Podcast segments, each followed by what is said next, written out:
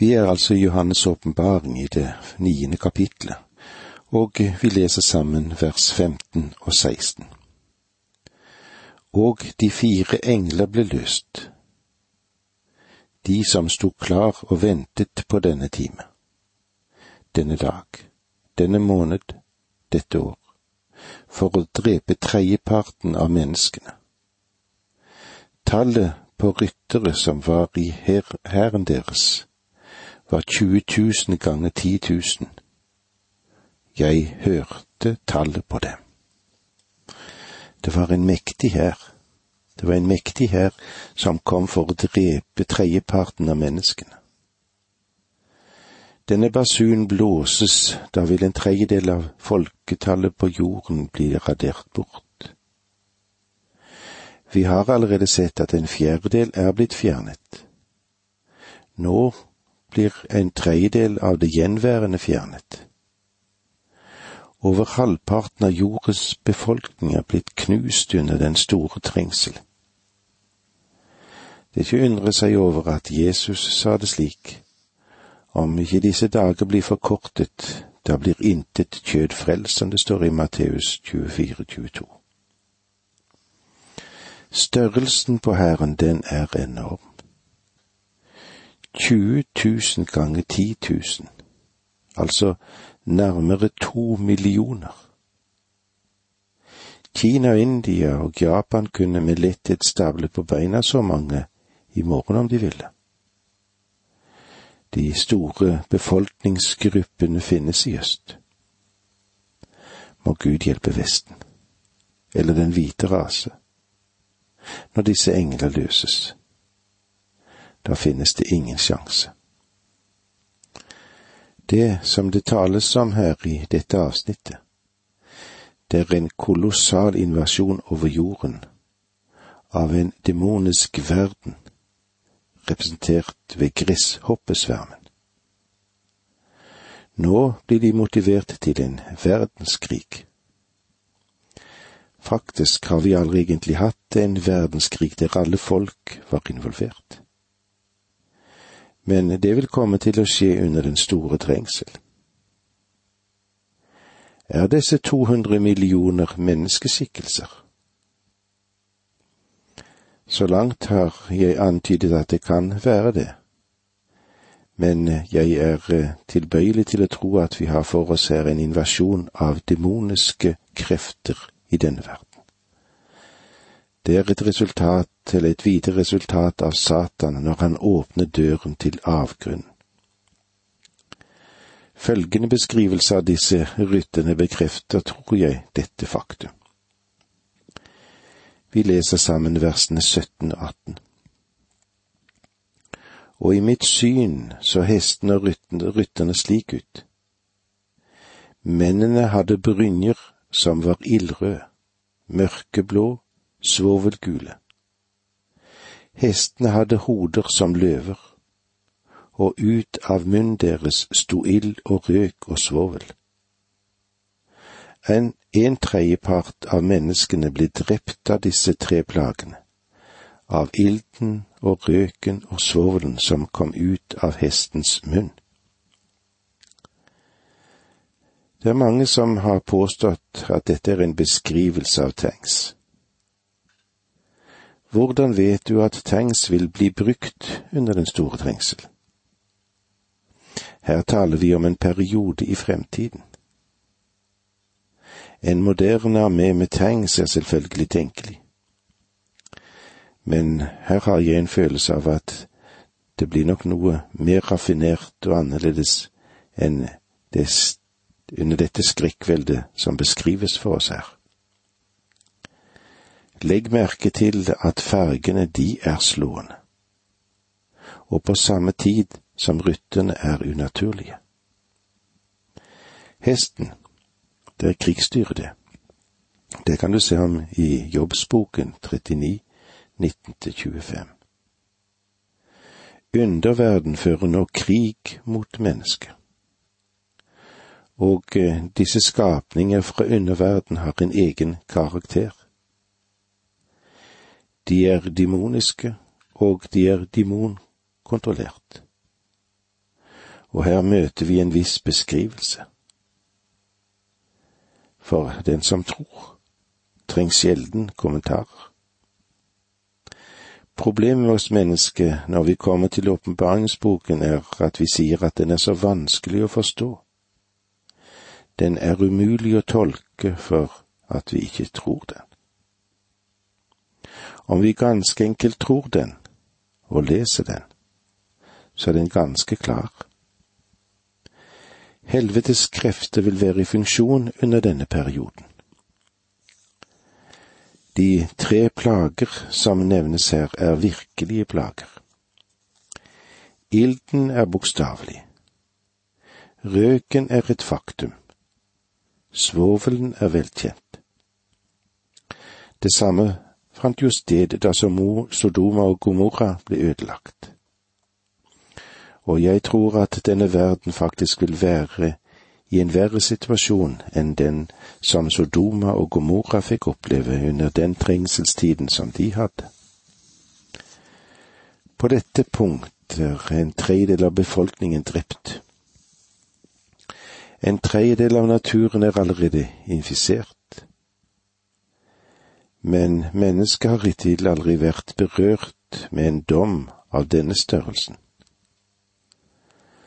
Om verdens befolkning var seks milliarder, så ville det ha betydd at to milliarder var borte. Husk at en fjerdedel er tatt av dage under det fjerde segl. Denne fryktelige desimering av jordens befolkning synes det å være umulighet, historisk sett. Ja, i alle fall frem til atombomben falt i Hiroshima. Siden da har mennesket brukt en enda mer skremmende språk enn det som oppbevaringsboken gjør.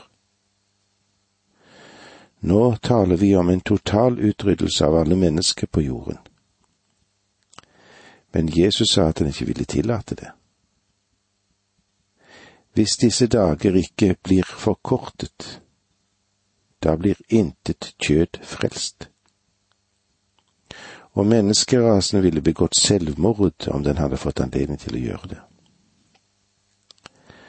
Åpenbaring 9.19 For deres makt ligger i munnen, men også i halene.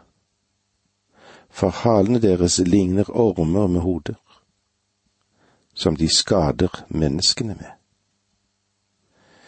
Dette er unaturlige hester som er i stand til å drepe med munnen men det merkverdigste er at istedenfor hestetagler til haler, er disse formet som ormer som stikker.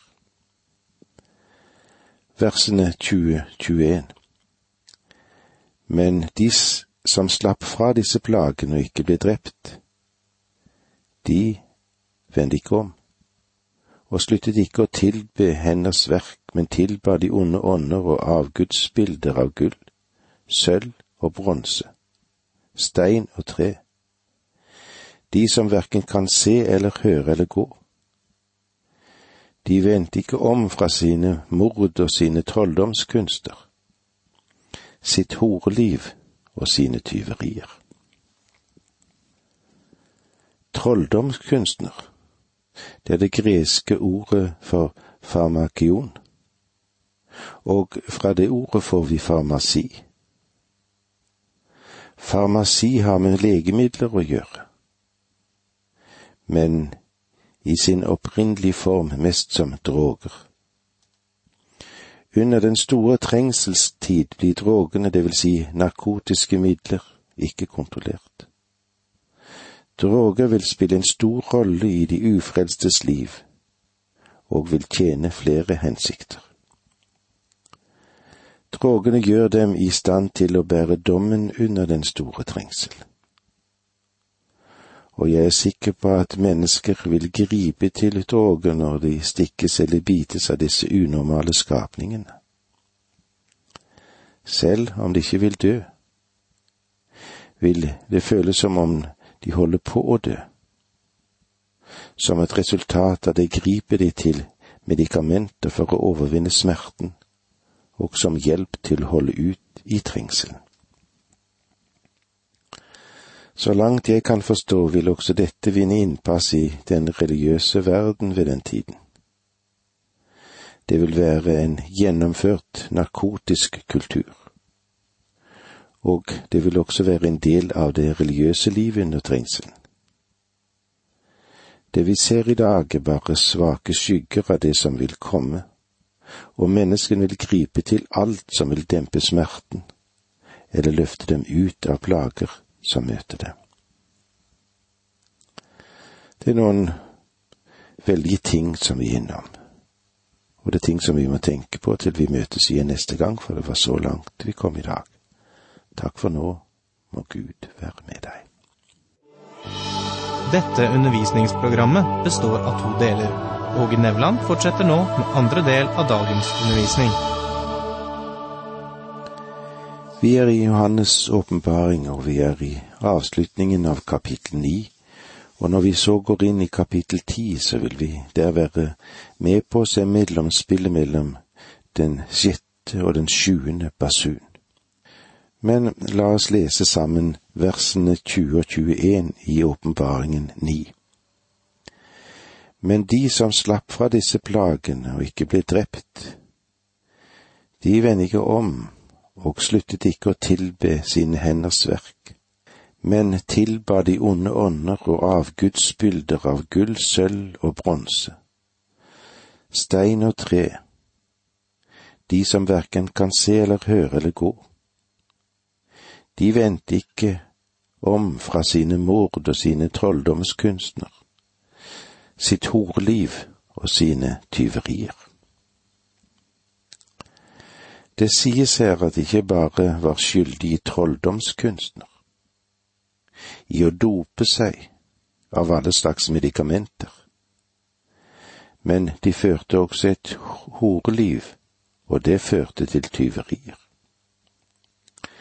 Horeliv markedsføres i våre dager som et uttrykk for frihet.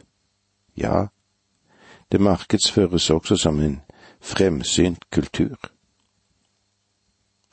Det er interessant at i stedet for å spille sitt rekvium, sin dødsmesse, ønsker dette folk å synge og danse og si at det går fremover med menneskeheten.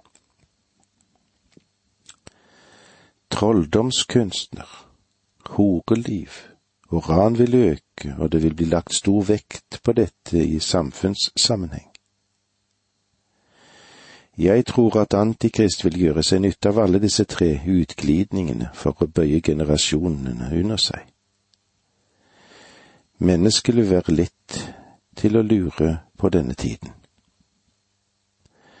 Under innflytelse av narkotiske midler vil en akseptere hva som helst og Paulus, han skrev det slik i først andre Tessalonikerbrev to, ni og ti. Når den lo lovløse kommer, han har sin kraft fra Satan, og han opptrer med stor kraft og med under og falske tegn. Med all slags urett forfører han dem som går fortapt, fordi de ikke tok imot og elsket sannheten så de kunne bli frelst. Jeg tror at evangeliet vil nå hele skapningen før bortrykkelsen, og evangeliet blir også sikkert hørt under den store trengsel. Det Paulus beskriver her vil bare skje med dem som har forkastet Guds ord. Og vi leser videre i versene elleve og tolv da i 2. Tessalonikerbrev 2. Derfor sender Gud over dem en villfarelse som virker i dem så de tror løgnen. Og slik skal de få sin dom, alle de som ikke trodde på sannheten, men hadde sin glede i uretten. Det øyeblikk hvor du fornekter evangeliet og lukker ditt hjerte til for Gud, da er du vid åpen for alle de store løgnene som kommer. Og det er grunn til at så mange faller for hva som helst, av hva som helst som driver det i den retningen. En har sagt at de som ikke står for noe, vil falle for hva som helst. Og eh, det tolker vi inn i vår dag på denne måten. De som i dag ikke står for Guds ord, er lettere offer for all slags kulter som måtte komme. Og det var det vi hadde med oss ifra kapittel ni. Når eh, vi nå går inn i kapittel ti, så er det et mellomspill mellom den, den sjette og sjuende basun. Dette kapitlet er med andre ord en av en serie mellomspill. Mellom sjette og sjuende segl var det et intervall der to grupper ble forløst, og merket under den store trengsel. Her mellom det sjette og sjuende, den sjuende basun har vi et mellomspill der tre skikkelser blir introdusert. I dette kapitlet får vi en beskrivelse av den mektige engelen. Og eh, i de første 14 versene i kapittel 11 møter vi de to vitnene, selv om de ikke blir identifisert. Vi vil nå se litt på engelen med den lille boken, og vi leser det første verset i kapittel ti. Jeg så en annen, mektig engel stige ned fra himmelen. Han var kledd i en sky og hadde regnbuen om sitt hode, og ansiktet var som solen og føttene som ildsøyler. Det har vært en klar meningsforskjell mellom fremstående og konservative bibeltolkere når det gjelder denne engelens identitet. En rekke av dem ser på denne engelen som Kristus. Andre ser på ham som bare en spesiell engel med stor makt og autoritet, men ikke Kristus. Selv heller jeg til den siste oppfatningen. Men hva du enn velger, så vil du her være i et godt selskap. Jeg tror det er tilstrekkelig bevis for å vise at denne engelen bare er en mektig engel. Kristus står ikke frem i åpenbaringsboken som en engel. Det er sant at i Gamle testamentet ble den før inkarnerte Kristus sett som Herrens engel. Men etter at han tok på seg menneskeskikkelse, etter at han døde og sto opp igjen, når han fikk et herliggjort legeme, ja, så møter vi ham nå i en stor makt og i stor herlighet ved Guds høyre hånd. Vi møter ham aldri som en engel igjen. Da han var her i menneskeskikkelse, var han ikke en engel. Nei, her var han som et menneske. Derfor fremstilles han i åpenbaringsboken som den herliggjorte Kristus. Den postinkarnerte Kristus. Han er løftet høyt opp over alt annet.